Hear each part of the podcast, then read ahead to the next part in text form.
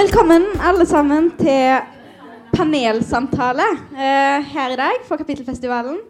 Tittelen i dag er 'Eier ikke skam', og sammen med meg så har jeg fått disse flotte paneldeltakerne så dere kommer til å høre mer om nå ganske snart. Eh, dette er, som dere kanskje allerede vet, uh, et panel hvor vi skal snakke om det å være folkefiende og ikke eie andre sin skam. Og ikke eie den skammen som samfunnet prøver på for oss fordi vi er annerledes eller skiller oss ut på noen som helst måte. Uh, tittelen 'Folkefiende' er òg uh, tittelen på Fritt ord-konkurransen for videregående elever, som uh, blir lansert her i dag med dette panelet. Og vi kommer også til å snakke om dette med å være folkefiende, og være noen som ikke passer inn i verdensbildet til visse mennesker eller i samfunnet. Folkefiende uh, det er òg tittelen til Henrik Ibsen sitt skuespill, hvor han bl.a. er kritisk til flertallstyranniet og den forbanna kompakte liberale majoritet, som han kaller det. Og dette er også på bekostning av individets rett til å tenke fritt.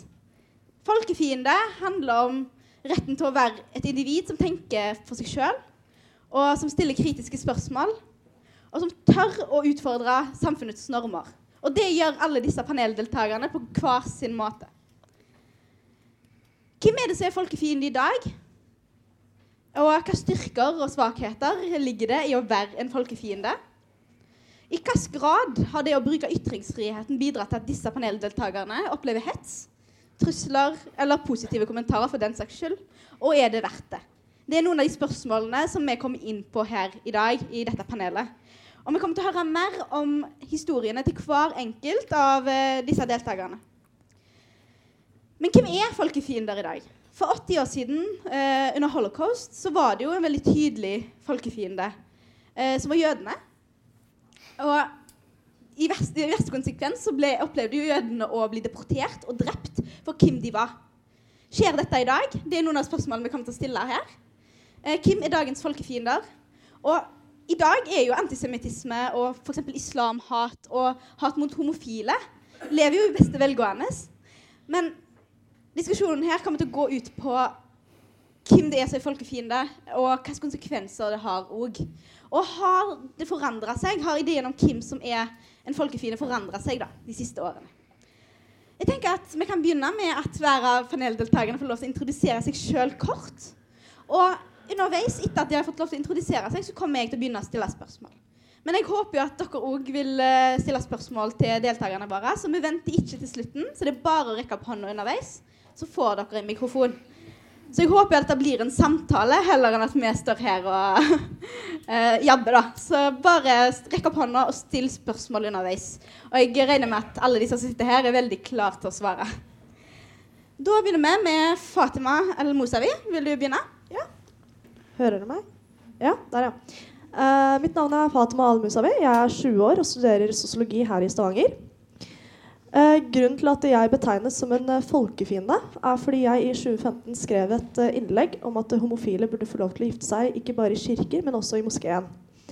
Det skapte store reaksjoner, spesielt blant det muslimske miljøet, og spesielt innad i kulturen jeg kommer fra, som er den arabiske kulturen. Opplevde veldig mye hets. Fikk mange meldinger. opplevde til og med at læreren jeg hadde, eller miljølæreren jeg hadde på skolen, sendte meg meldinger og kalte meg vantro. Um, så det har vært, var en ganske tung sommer den sommeren i 2015, uh, hvor jeg nesten ikke turte å møte folk ute. Men heldigvis, uh, da jeg var ute, så var det ikke hat jeg møtte, men mye kjærlighet. Uh, folk kom bort til meg og støttet meg og roste meg sinnssykt mye. etter det så var det sånn at både i 2015 og 2016 så jobbet jeg på Oslo Pride for å vise at det den myte, eller myte og myte, men det at alle muslimer hater homofile, er jo ikke sant. Eh, det er jo ikke alle som gjør det. Det fins veldig mange som prøver å støtte det.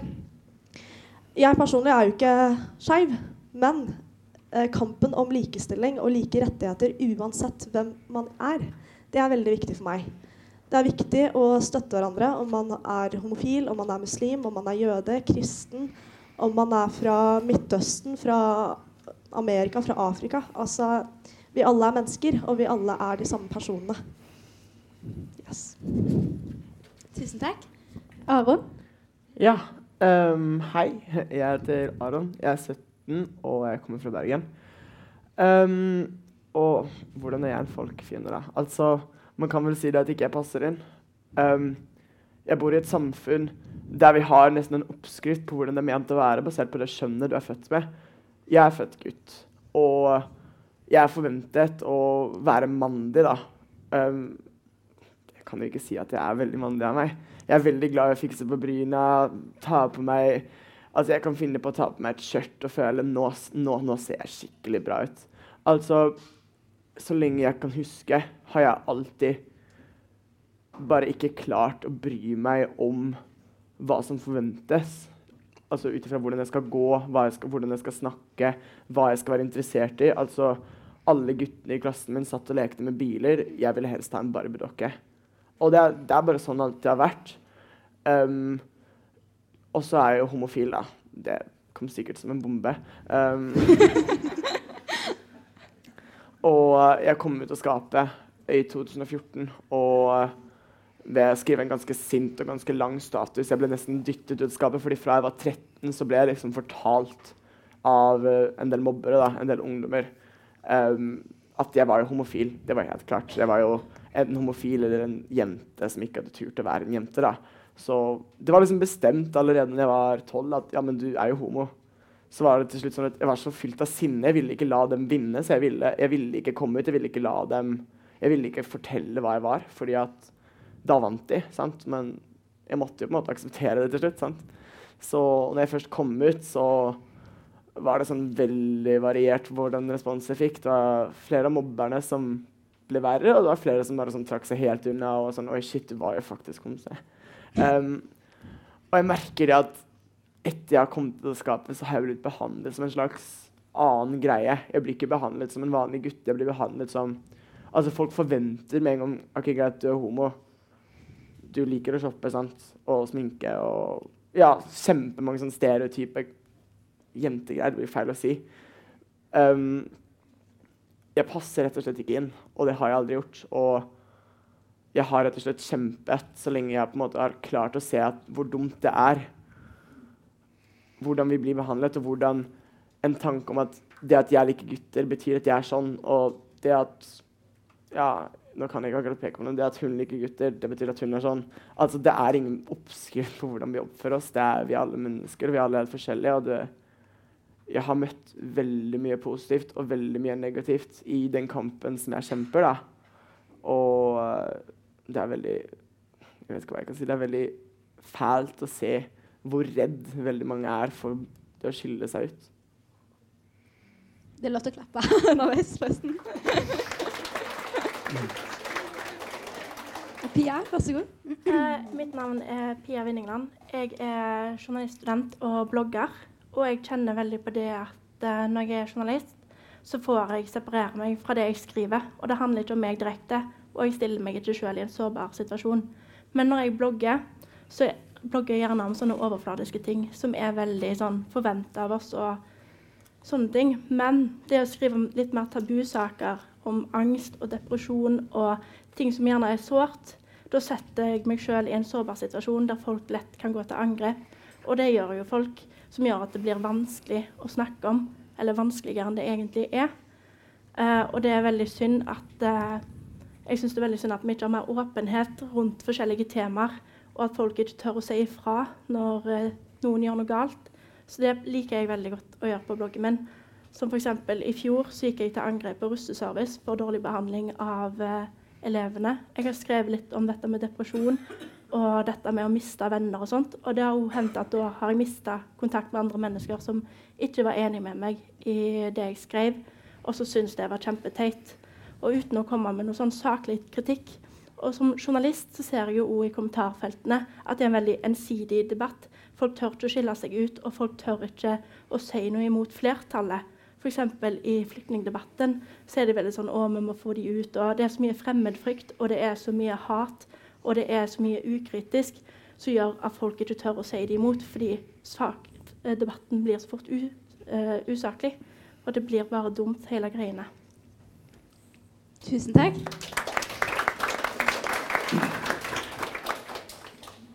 Jørn. Ja, jeg heter da Jørn Keil Finnesand.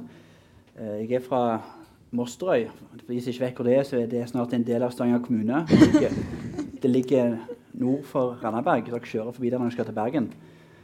Veldig beskytta oppvekst. Dette er en veldig standard A4-familie. Så, sånn sett med meg så er det lite som gjør at jeg skiller meg ut og skulle bli folkefiende. Men så gjorde jeg jo det valget da når jeg var 17 år, at jeg valgte å bli med i Fremskrittspartiet. Og da var det noen øyenbryn som reiste seg. Både blant eh, naboer og kjente og alt det der. For én ting er å være politisk interessert. En annen ting er å være interessert i det partiet som ligger et ytterkantsparti, enten det er SV eller det er Frp. For da utfordrer du no noe av det bestående. Um, og i utgangspunktet så var, så var, jeg bare engasjert i politikk og hadde mine meninger om hvordan jeg ville at samfunnet skulle være. Mindre forbud var på en måte det som gjorde meg interessert i politikken. Jeg, jeg ville sørge for at mange av disse uh, forbudene som jeg syntes var teite, de måtte vi få fjerne. Så når jeg ville ut og snakke om dette her med andre folk, så var det ikke forbud som jeg var engasjert i, som jeg ble møtt med. Jeg husker første gang jeg skulle stå på stand, da skulle jeg hjelpe Stavanger. Da var, kom det folk bort til meg og spytta meg i fjeset og sa du er en liten drittunge, din jævla rasist, gå hjem. Og Jeg klarte ikke helt å skjønne hvor det her kom fra. Jeg ville snakke om hvorfor jeg burde få lov til å gå og kjøpe sprit når jeg var 18 år. Det, det, hadde jeg lyst til. det brant jeg for da. Men etter hvert så ble jeg vant med, både på medlemsmøter og sånn, så fikk jeg høre at det at du blir kalt for rasist, det at du blir kalt for homofob, det at du blir fortalt at du er kunnskapsløs, det er nesten bare en del av pakken når du er Frp-er. Dette må du bare godta og høre på folk, for det er det de tror om deg. Så du må bare gå ut og fortsette å stå for det du mener, men det kommer til å få en del dritt underveis. Nå, når jeg er ja, ja, et, par år eldre enn 17 år, så er eh, så jeg er blitt vant med egentlig at det, det kan komme noen ny, eh, slengbemerkninger i ny og ne. Trenger ikke være de der store rett på-angrepene heller. Jeg tror ikke folk går bort til voksne folk og sier sånne ting. Men disse små slengbemerkningene som hele tiden gjør at du trekker pust og tenker 'Hvorfor gidder jeg å holde på med dette her?' Og uansett hva, hva slags synspunkter du eh, har, eller uansett hva slags sak du ønsker å kjempe for, så kommer du til å alltid møte folk som er så imot deg at du tenker av og til Nå gidder jeg ikke mer. Det, det, kan bare være. Men det er da du må på en måte finne tilbake til hvorfor du engasjerte deg eh, i første omgang. Eh, og så skjønner jeg jo det litt av altså, Når jeg ble invitert her, så var det ikke bare for at jeg var en standard Frp-er. Det, det, var litt mer enn det òg. Eh, for de som har lest avisen og husker tilbake, så hadde eh, Stavanger Frp et problem for noen år tilbake. Eh, hvis dere husker Birkedal-saken, som var der gruppeleder, tidligere gruppeleder i Stavanger Frp ble arrestert fordi han hadde filma eh, gutter i sitt eget hjem. For da fikk du en veldig stor debatt om hvordan er det Frp, som har vært på en måte partiet som kjempet imot ny ekteskapslov, hvordan er det de behandler homofile som gjør at han ikke bare kunne stå åpen fram og fortelle at han var det? Da vil jo avisene da gjerne høre med noen homofile i Frp. Hvordan er det? Så er jeg òg tilfeldigvis gift homofil, så da ville de da høre med meg. Så jeg ga et lite, sånn et, et lite sånn intervju med journalisten. bare, Fortalte at det er helt fint, jeg skjønner ikke hvorfor det var så vanskelig for han, men det går helt greit. Så tenkte jeg at dette er bare sånn et uh, side tre i, i, del to-oppslag. Så lite greie. Men istedenfor så fikk uh, jeg og mannen min vi fikk uh, fjeset vårt på framsida i Stavanger Aftenblad. Så da ble det veldig åpent for hele Stavanger-regionen at uh, de to de er, de, de er, gift. Og du kan si, Jeg, jeg og mannen min passer ikke helt stereotypen om eh, Frp-ere, for han, han er Frp-er. Men han er da Han kom til Norge fra Mexico, eh, og så gifta vi oss. Så du kan si han er da mørkhuda innvandrer som har kommet her på familiegjenforening. Og det, dette skaper jo da altså, Hjertet mitt tenkte jo at OK, hvis det ikke har blitt reaksjoner før for at vi sitter på medlemsmøtene, så blir det jo det nå. Men, men det gjør ikke det. Det handler litt om at hvis du bare står fram og er den du er, så kommer folk etter hvert til å se at du står for den personen du sjøl er. Og det der gamle ordtaket det blir bedre. Altså, jeg kan si det at uh, Hvis det er tungt nå, så kommer det til å bli bedre når du blir voksen. Jeg har bare fått positive reaksjoner i, i Frp. Det er det, det, er mer, eh, det er mer folks fordommer mot hva det er å være Frp-er jeg sliter litt med. Tusen takk. Og da kan vi jo kanskje da kan vi jo kanskje begynne der vi slapp. For det er veldig interessant at du f.eks. får mer kritikk for din eh, politiske, eh, ditt politiske ståsted enn eh, for din legning. Eh, det, har fått, hvilke reaksjoner har du fått fra samfunnet for øvrig? Nei, jeg kan jo altså for hver, for hver person som fant ut at jeg var homofil, så var det veldig nytt og spennende. Det vil jeg vite mer om. Det vil jeg vite mer om.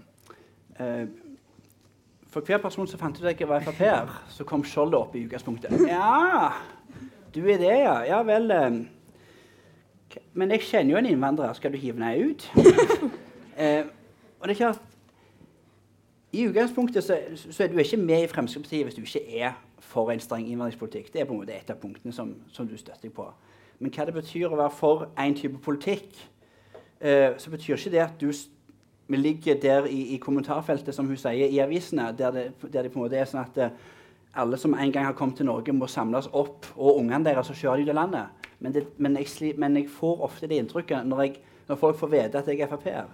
Og derfor, når jeg hilser på folk og forteller om meg sjøl, så kan det godt være at det kommer opp tidligere i samtalen at jeg er homofile, enn at jeg faktisk jobber for Frp.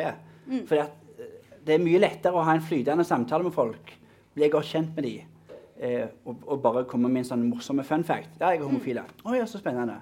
Men hvis jeg begynner samtalen med Hei, jeg heter Jørgen Kjell Finnesand, jeg jobber for Frp, så er det Ja, men jeg skal gjøre noe annet, jeg nå. Men da er, da er det veldig interessant det du sier. Da kan vi kanskje gå til Aron. For du har jo fått reaksjoner både på eh, din eh, legning, men jeg vet jo at du òg er politisk engasjert, så kanskje du kan Og du er jo på et av det du kaller for ytterpunktene. Eh, du har jo vært engasjert i et parti som er på andre sida igjen. Ja. Men eh, uten at dette blir en politisk debatt, så vil jeg gjerne høre da hvordan du på andre sida igjen opplever det. Ja. Um, så jeg er jo ganske langt ute på venstresiden personlig. Jeg vipper mellom Sosialistisk Venstreparti og Rødt. Ehm, akkurat nå er jeg medlem og skal starte opp et lokallag for sosialistisk ungdom der jeg bor. Um, og altså, man får reaksjoner på sånn som man sier, man får reaksjoner på man får reaksjoner på ytterpunktene. Uh, altså om man har sterke meninger, om man bryter ut av på en måte Altså det å si noe, det å på en måte tenke jeg har autoritet til å snakke, jeg har autoritet til å ha en stemme, det blir nesten sett ned på. Og det å på en måte prøve å være en frontfigur og kanskje være et forbilde, det å prøve å representere en gruppe mennesker og representere sine meninger og det man brenner så utrolig sterkt for, det blir Det er så vanskelig å gå rundt i gatene etter at hvis jeg forteller folk ja, jeg er medlem i SV, så de vil ikke snakke med meg. Altså, jeg får hat, men det er ingen som vet hva vi står for. Det er det morsomste. Jeg får ikke, altså Men opplever du at eh, For nå snakket jo Jørn blant annet dette med at han blir for mer aksept for legning enn å ha tatt et ståsted. Og da, hvis vi tar, går vekk fra partipolitikk, bare det er jo det hele tatt bruke sin stemme og bruke sin ytringsfrihet, opplever du at du får sterkere reaksjoner på det, eller, eller sterke reaksjoner generelt? Ja. um, så jeg bor jo på bygda. Jeg bor langt ute på bygda, og der har jeg bodd siden 2010. Um, utenfor Bergen, på et sted som heter Osterøy. Jeg har fått sterke reaksjoner for begge deler, egentlig. Um, jeg har fått Det har gått så langt at jeg faktisk har fått drapstrusler både for partiet jeg er med i, og for legningen min. Uh, kombinasjonen har faktisk også vært ganske kjip for noen, tror jeg. Um, nei, det man, Ja. Jeg, for, for min del så tror jeg jeg har fått mest sterke reaksjoner for legningen, faktisk. Um, men det er en mye større kuriositet. Altså det, Mm. Folk lurer mye mer på hva det vil si å være homo, mens når jeg nevner resten, så er det sånn Ja, men det vet vi jo hva er. Det trenger vi ikke spørre om. Da tenkte jeg vi kunne hoppe videre til Fatima. Eh, du nevnte jo innledningsvis at eh, du har fått kritikk for å støtte homofile åpent som muslim. Eh, og du går jo med hijab, så det er jo tydelig at eh, du er muslim. Og så lurer jeg på hvilke reaksjoner har du fått bare på, det, bare på din religion? Og i tillegg til at du har fått uh, kritikk fra dine egne da, i hermetegn fordi du støtter homofile. Ja. Nei, hva slags kritikk? Det har jo vært uh, oi, veldig mye forskjellig. Det har vært alt fra at jeg uh, er en uviten liten drittunge, til at jeg uh, burde forlate islam. Jeg vet ingenting om islam. Jeg har ikke lest meg opp. Jeg kan ikke historien om profeten Lot. Men når det kommer til akkurat den historien, så er den jo en historie man må tolke. Altså, hva er det den historien egentlig sier? Den sier at uh, profeten, nei, Gud, drepte de på øya for å redde profeten. Men det sier ingenting om at han gjorde det fordi at uh, de var homofile. Så det er jo en historie som man tolker litt forskjellig. da. Uh, og det er den historien jeg får mest opp på meg, og det er gjennom den jeg blir kalt en uviten liten unge. da. Mm. Men har du fått reaksjoner fra jeg vet, eller dette kjenner deg, for jeg vet at du har fått reaksjoner fra andre sider òg? Mm. Når du f.eks. deltar i panel og blir bedt om å ta av deg sjalet, for da har du lov til å si noe. Vil du fortelle litt om det? Ja.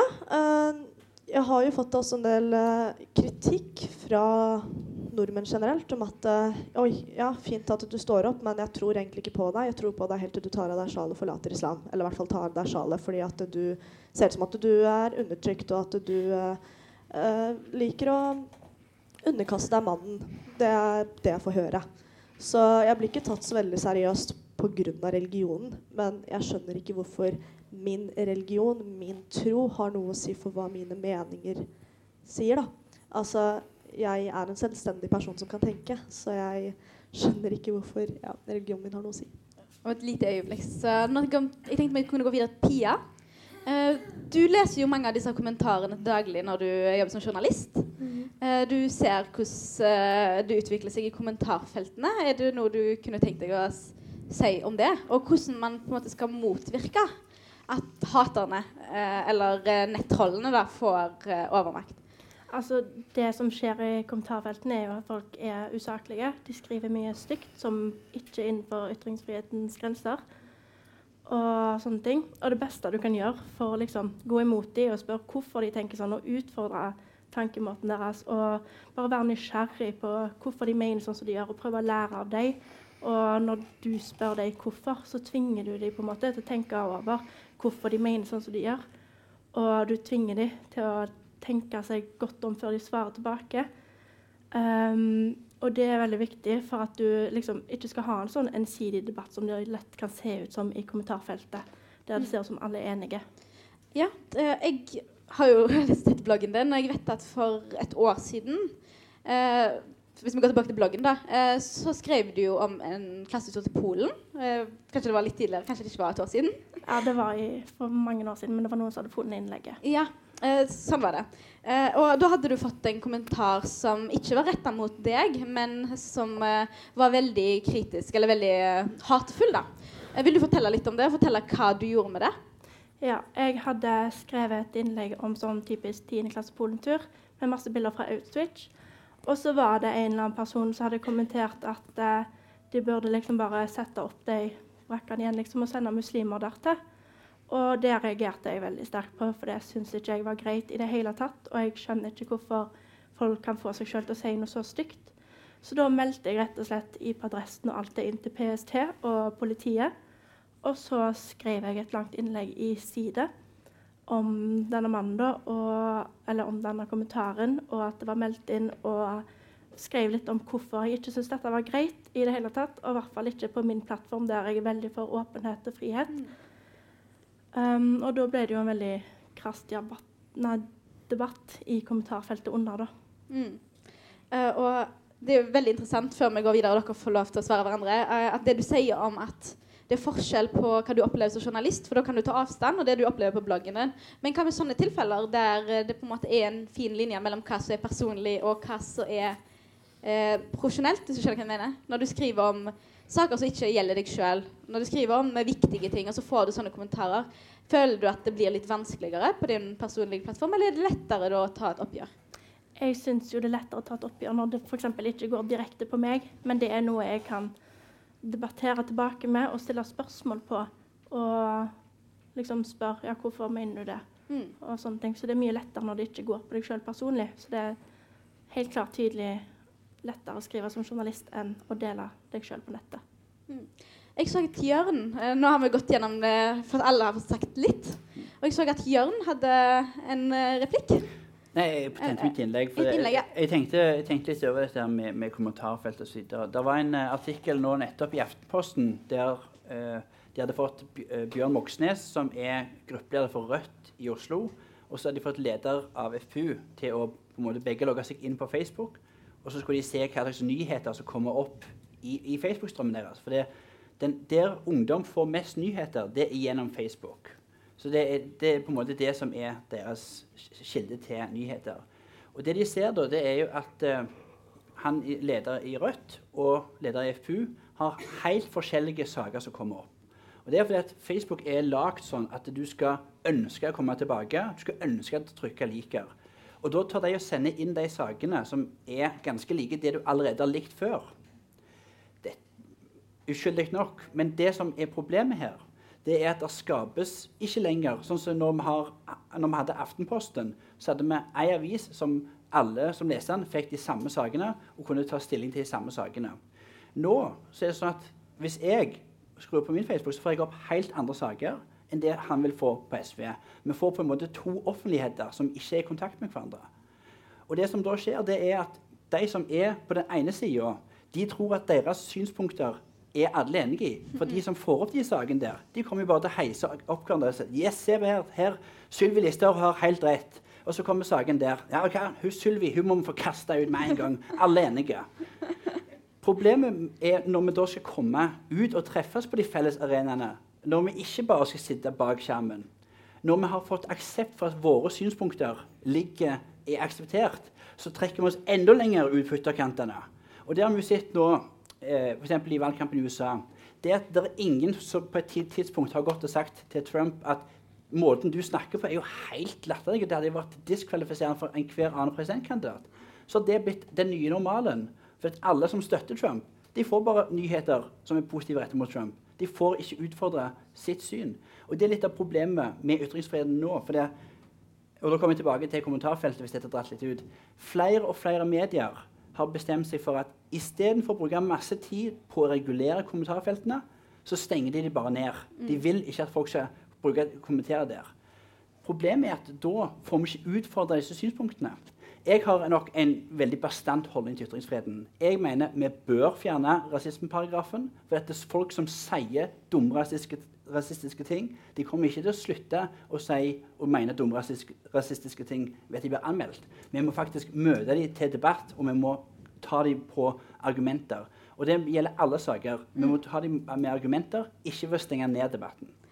Da vil jeg utfordre deg på det. Eh, Hva kan man gjøre for at flere får de samme nyhetene? At flere kommer i kontakt med hverandre?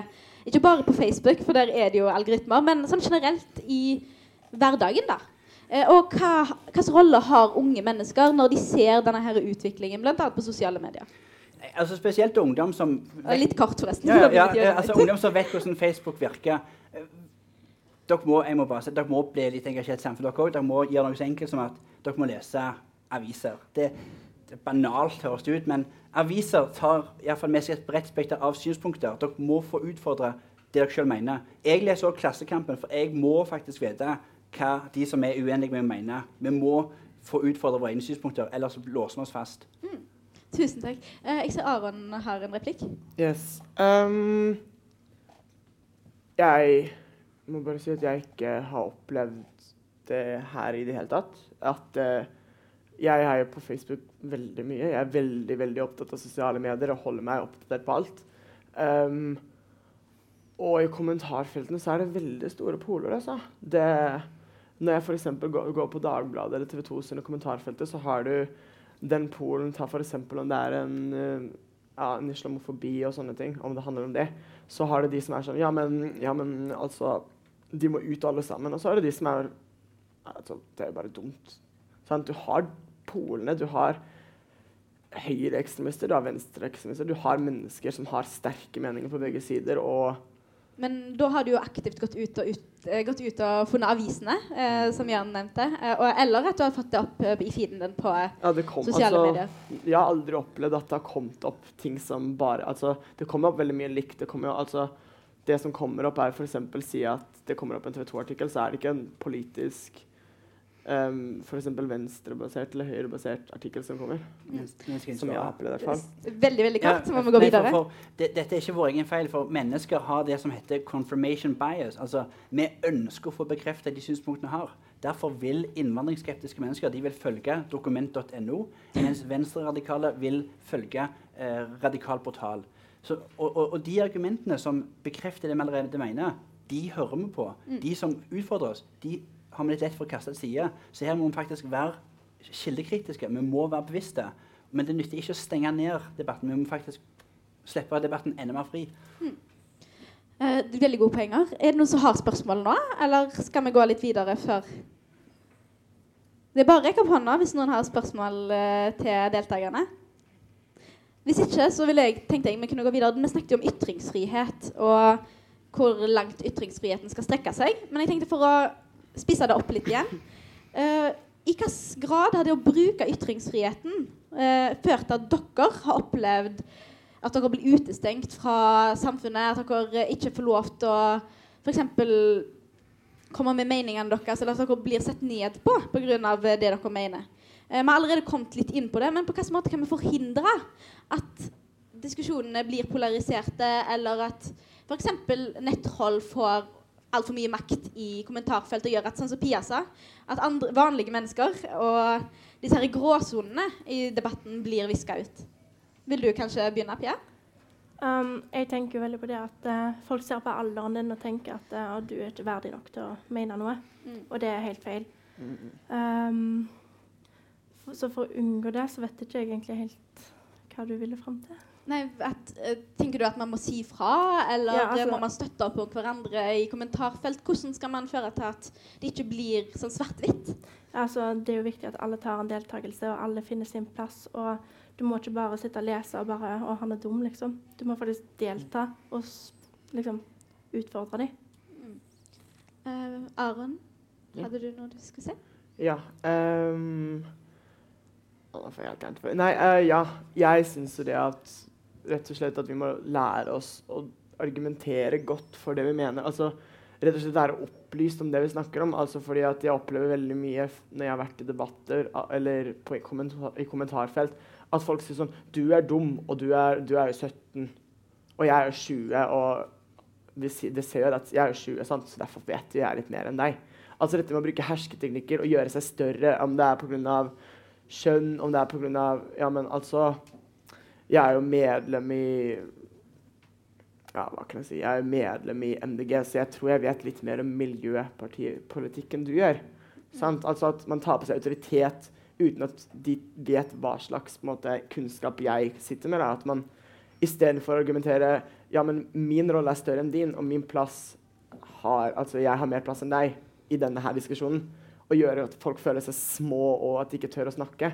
At rett og slett vi blir kanskje lært opp allerede i skolen at hallo, kom med ordentlige argumenter. Mm. Jeg mener dette pga. dette og dette. Så kan jeg svare ja, men jeg mener dette pga. dette og dette. Mm. Ja. Ja, det, hvis du uh, følger en vanlig Facebook-feed, så vil du se at det som de fleste tør å ta stilling til, det er hvordan søte den babyen ser ut. Eller den kattungen. Det er noe som alle kan si 'Å, så fine', 'hjerte' eller 'elsk'. Og, det er forståelig at folk ikke vil gå inn og, og, i sånne litt vanskelige saker. Det, men trenden på det, at en ikke vil såre noen, eller ikke vil bli såra, det begynner å bli et veldig stort problem på britiske og amerikanske universiteter.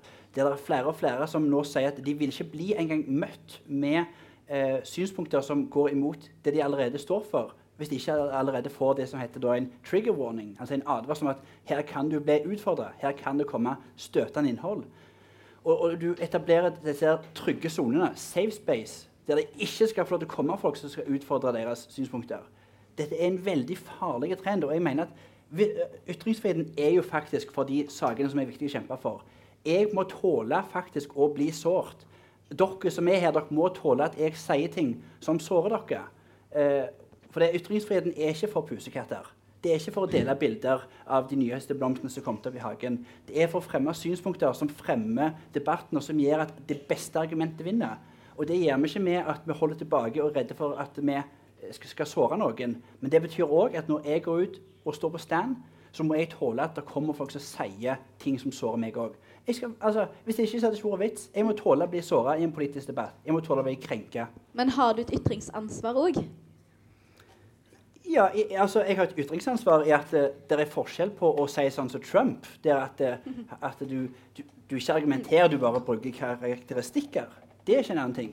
Men jeg, for eksempel, hvis jeg hadde vært enig med Merete Hodne, i, i, som hadde denne uh, frisørsalongen hun, hun, hun, mente at hun hadde rett til å nekte noen. Det var hennes ytringsfrihet for å nekte noen i døra.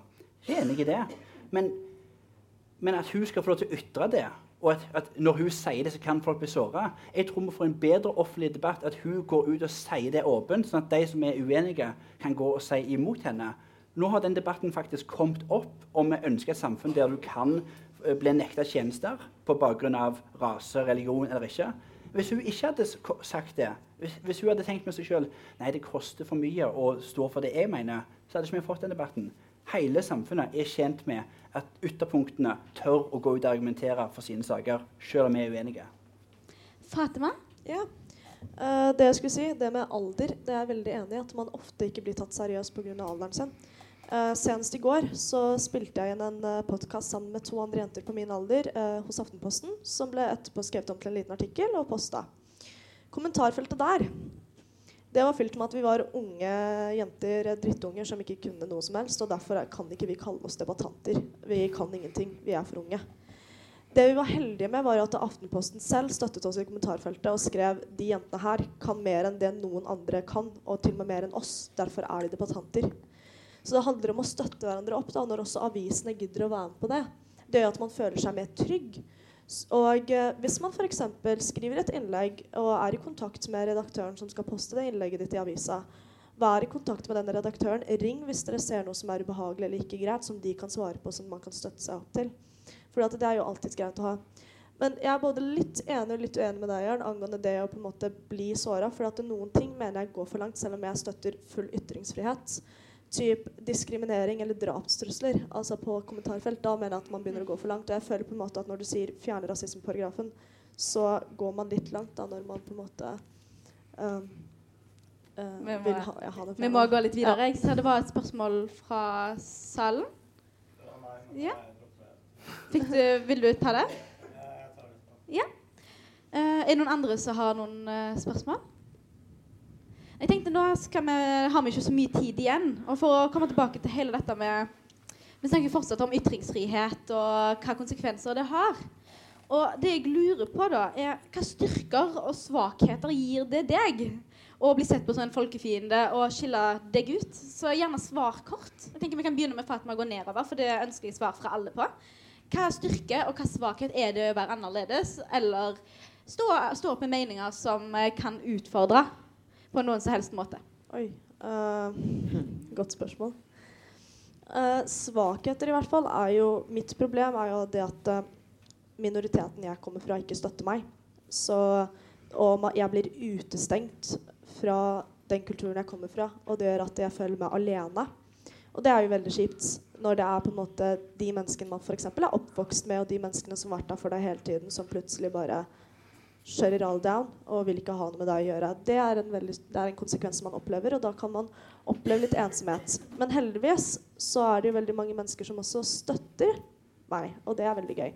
Mange mennesker som sender uh, meldinger med ros og uh, er der for meg, møter meg i gata og bare gir meg en tilfeldig klem. Personer jeg ikke kjenner. Det er jo bare kjempegøy. Um, styrken er jo at man uh, endelig tør å ta opp et tabu. Uh, man tør å gå imot mennesker og faktisk ta opp noe som folk ikke tør å snakke om ellers. Og det er jo veldig viktig, fordi at uh, i Norge så har vi dessverre veldig mange ting vi ikke tør å snakke om. Veldig mange ting vi ikke er åpne om, og det er på tide at vi begynner å snu på den trenden. da. Mm. Men har du fått noen respons, positiv respons fra noen som har overraska deg? Ja. Mamma. eh, faktisk. mamma har vært den største støttespilleren jeg har hatt siden ja, siden jeg startet å bli aktiv, egentlig. Så jeg så egentlig helt ærlig ikke for meg at uh, familien min, som kan være litt konservative, kom til å støtte meg på mine meninger, men det var kjempegøy uh, å ha hun da, som alltid sender meg meldinger og alltid støtter meg opp og ber meg om å ta til orde uansett hva det er, da, selv om, det kanskje, selv om hun ikke er enig med meg, til og med. så mener hun at jeg skal ta ordet til alt. da. Aron? Ja. ehm, altså, jeg føler det blir lekt å si negative ting først, sånn etter positive kan booste det litt. sant? Um, konsekvenser jeg har møtt ved å være så åpen som jeg det har vært Det har vært, det har vært drapstrusler. Det har vært på det verste at altså, biler har stoppet og hivet kaffe etter meg. Jeg har mennesker som kommer opp til meg og sier 'du fortjener ikke å leve'. Og folk har faktisk motet til å komme og se meg inn i øynene og si at 'det gjør ikke jeg'. Folk går så langt. og det er så drøyt hva folk tør å si. Og for noen så kan det kanskje være demotiverende, men det er nettopp derfor jeg fortsetter. Og altså styrken de gir meg, det er helt ubeskrivelig hvor mye styrke det gir meg å kunne For jeg vet at jeg kunne ha trengt å se en person stå på barrikaden og si det er greit å være sånn, det er greit å tenke dette. For det hadde hjulpet meg når jeg trengte det, når jeg slet mye psykisk for et par år siden. Så det gir meg så utrolig mye styrke å kunne være en jeg vet ikke hva jeg kan si, en representant, et forbilde. jeg vet ikke, altså, Det blir så feil. Etter, etter jeg var med på TV-programmet The Stream, som går på TV nå, et sånt sangprogram, så har jeg igjen fått en sånn boost der jeg på en måte har hatt veldig mye, både positivt og negativt. Og altså, det gir meg en stolthet, det å se det at folk bryr seg, om det så er positivt eller negativt. Det at folk faktisk begynner å tenke at det setter i gang motoren, at folk ikke sitter i stuen sin med ansiktet i skjermen og ikke bryr seg. Folk har, en, folk har lyst til å si noe. Det, det gir meg så mye styrke å se det. At folk vil bruke stemmen sin. Sant? Jeg får meldinger i går der jeg, der jeg kommer fra, så er det to stykker som kom til å skape forrige uke pga. at de så det at jeg tør å være så åpen som jeg er. Og det å vite det at det sitter en 13-åring som forteller moren sin noe som de har holdt, holdt inni, og som de har vært så redd for å si. Og at de tør å si det med stolthet pga. å se f.eks. meg eller hvem som helst ellers. Det gir så mye styrke og så mye driv til å fortsette å kjempe akkurat den kampen jeg kjemper.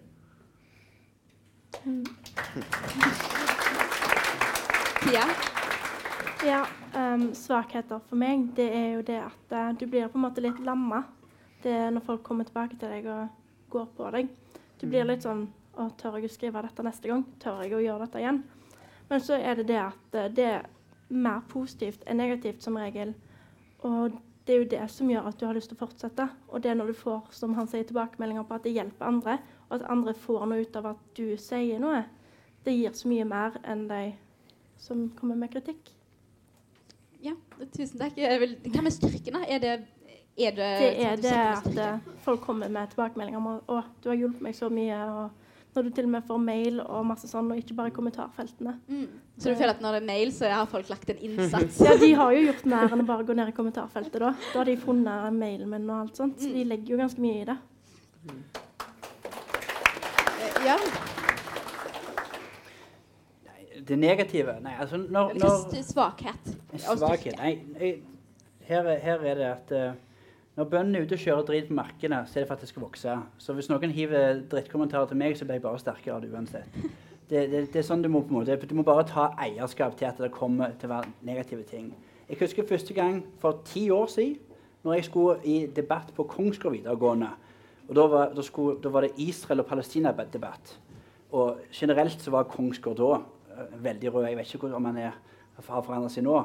Men jeg forsto etter fem minutter at her var det jeg som skulle sitte og forsvare alt Israel hadde gjort, mot resten. Og så tenkte jeg bare ok, jeg gidder ikke prøve å vinne en velger her nå. Jeg skal bare være, jeg skal være den djevelens advokat de ønsker jeg skal være. Så da bare tok jeg og, og, og uredd forsvarte det som var Frp sin holdning til staten Israel, og uten at jeg egentlig brydde meg så mye lenger om hva alle andre syntes om meg. Og, og den følelsen der av at eh, var, Jeg tror det var første gang jeg virkelig merket at jeg trenger ikke bry meg om hva alle andre syns om meg.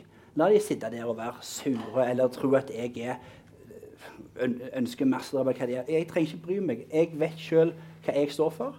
Og, og så lenge jeg hadde tryggheten sjøl, som jeg hadde tatt med meg, at jeg kjemper for saker som jeg syns er viktig. Om folk er uenige, om folk har lyst til å slenge drikkekommentar, betyr ingenting. Det viktigste er faktisk å kjempe for det du står for. Eh, tusen takk.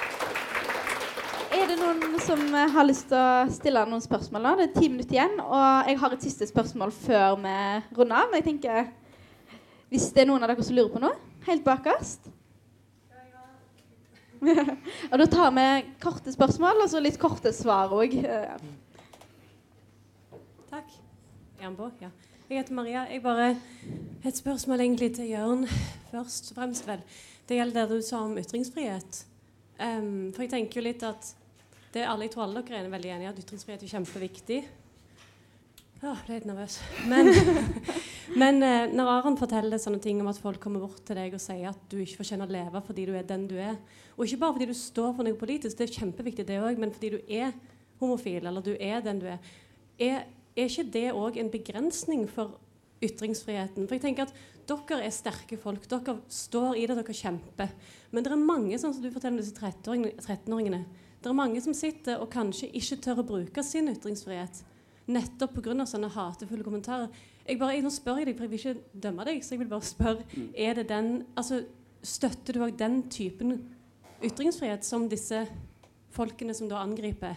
Ikke med vold, for det regner jeg med du tar avstand fra, men ja, kommentarene. Kan ikke det òg være med å begrense andres ytringsfrihet? Uh, Jan, uh, vi tar det litt kort, for nå begynner tida å renne fra oss. Ja, sånn, så, sånn som har sagt om, om uh, når, når det kommer drapstrusler selvfølgelig, Oppfordringer til vold er straffbart. Det, men det har ikke noe med ytringsfrihet å gjøre. Det er faktisk en oppfordring til vold. Men jeg tror at hvis det er noen som ønsker å vise at de er dårlige mennesker ved å være rasister, så er det vår jobb som storsamfunn å utfordre dette her. Det at, at det kommer folk bort i fjeset og, og, og, og sier at du ikke fortjener å leve det jeg har aldri opplevd det sjøl, så jeg klarer ikke å se for meg hvordan forferdelig det faktisk må være. Uh, men jeg, jeg, jeg, føler at da må resten av samfunnet også være den som på en måte peker på den personen der og sier at dette er en person som er et avskyelig menneske. Han har avskyelige holdninger. Og det er bedre at vi får det opp i lyset. ved at Når, når folk uttrykker seg skriftlig og skriver dumme ting, så tenker jeg da bare viser de hvor dumme de sjøl egentlig er. Og det er bedre at det kommer ut. Mm. Jeg ser Aron har veldig lyst til å svare her. Jeg sitter og Ja, OK. Um, ja. Jeg ser ikke på den personen som kom bort til meg og ba meg om å ta livet selv. Jeg ser ikke på den personen som et avskyelig menneske. Det kan jeg ikke si. Jeg ser på det mennesket som et redd menneske. Et menneske som ikke er opplyst. Et menneske som ikke vet hvordan ting er. Hvis vi blir opplyst Sånn er folk. Folk er på den måten. Folk er på den måten. Alt er greit. Så vil ikke være sånn.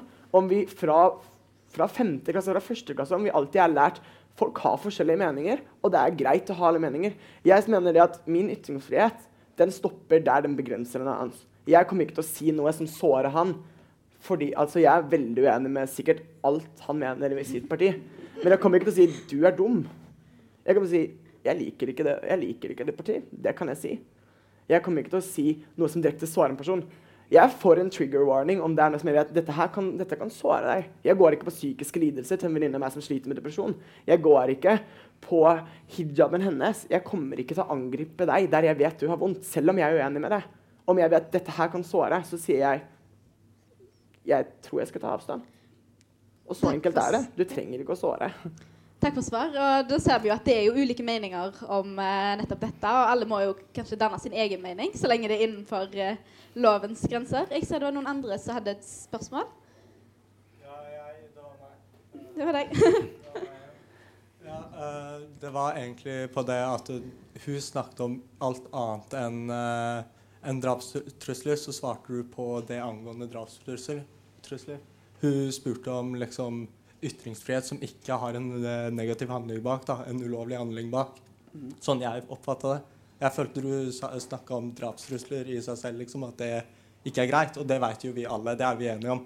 At uh, ting som har en uh, ulovlig handling bak, mm. ikke er greit. Men en som uh, har en handling som ikke er Hvis jeg sier at Hvis jeg sier noe som er stygt mot en person, og den delen av ytringsfriheten, ikke det med handling det var til Jørn spørsmålet ja, var. var du fikk med deg spørsmålet? Altså, jeg, jeg, um, jeg, jeg, må nesten skille mellom to ting. jeg ønsker ikke at vi skal bruke politiet til å gå rundt og straffe folk som sier 'du er dum' eller 'du er stygg' eller lignende. Det, det, blir, det, det, blir litt, altså det er bare uhøflig, det er stygt og alt det der. Hvis, hvis, hvis du går på grensen til mobbing trakassering, så er det en helt annen ting. Men hvis vi da går over på meninger og ytringer som kan virke sårende, så tror jeg det blir litt for subjektivt. Det blir litt for personlig for hva som er sårende. Er, og, det, og da minner på den trenden som jeg snakket om nå, som vi ser i USA og i Storbritannia. Det er at folk, studenter som er på universiteten, som skal få utfordre sine ideer, de har blitt så hårsåre at det er den minste utfordring så sier de at de er krenka, de er såra, de kan ikke ta det til seg. Vi kan ikke la den enkeltes idé om hva som er eh, sårende, være det som setter grenser for ytringsfriheten. For da blir det veldig raskt at vi begrenser ytringsfriheten veldig mye.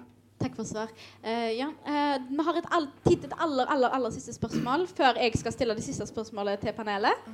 Uh, ja, vær så god. ja, hei. Da, jeg har ikke spørsmål, jeg har bare kommentar. Ja. Og jeg synes det var veldig bra å høre på alle dere, og jeg er veldig fornøyd med det. Jeg har selv vært politisk engasjert siden jeg var 13 år, og fortsatt er det. Og, og så synes jeg det vi eh, Norge, eller liksom debattene som foregår her Andre land, England, USA, de har hatt for 50 år siden.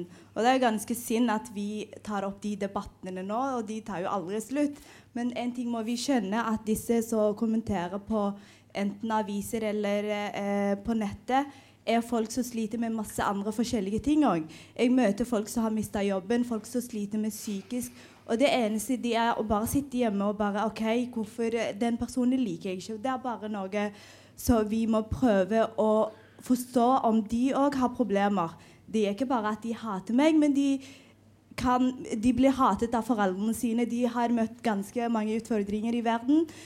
Folk som sliter med økonomisk, og så mister Vestlandet har jo mange har mista jobbene sine nå, så har tid til å engasjere seg i de forskjellige debattene, om det er innvandring, om det er hijab eller hva det måtte være. Så vi må tåle, og ytringsfriheten det burde ikke ha grenser.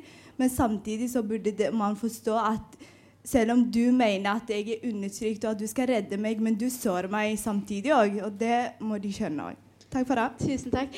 Uh, det er en veldig fin oppfordring til å prøve å forstå. Jeg så Fatima har bare lyst til å ta en siste kjapp kommentar på det, og så må vi runde av. Ja. Rask setning. Jeg er veldig enig med deg, og det er derfor man må egentlig lære å ikke ta kommentarfelt så veldig personlig.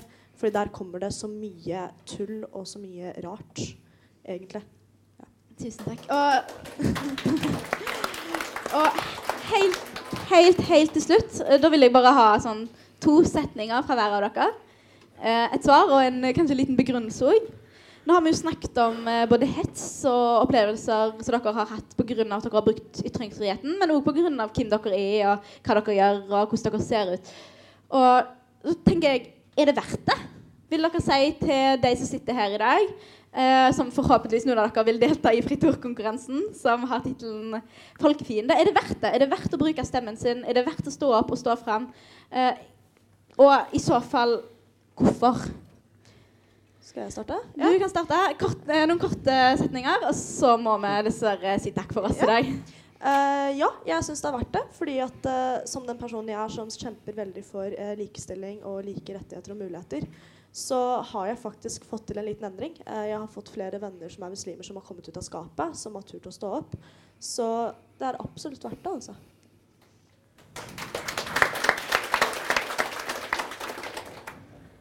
Det å stå opp for mine meninger og det å stå opp for Altså det å stå opp for den dere er, for den jeg er, det er absolutt verdt det. Fordi min rett til å være meg, den syns jeg er sterkere enn stemmen til den personen som sitter i et hjørne og er redd for den jeg er. Fordi at jeg gjør faktisk ingenting galt. Uh, det er så verdt det. Og det gjør meg så stolt å se at folk tør, og at folk fortsetter å bruke stemmen sin, så ja, bruk stemmen og fortsett. Ja, det er jo veldig verdt det. Altså, det å tenke med seg sjøl at uh, jeg tør å si ifra, jeg tør å si min mening, jeg er ikke redd. Det er en veldig god følelse å sitte med når du sitter midt i det. Ja, jeg tror ingen ville sagt nei. Uh, alle som er her i salen, har politiske meninger. Noen av dere er enige med meg. Da trenger jeg dere til å bruke stemmen deres til å gå ut og kjempe for det som vi tror på. Og dere andre som er uenige med meg, dere må òg gjerne bli med i den store samfunnsdebatten og kjempe mot meg. Det er bare sånn vi finner de beste løsningene for samfunnet som vi alle skal bo i.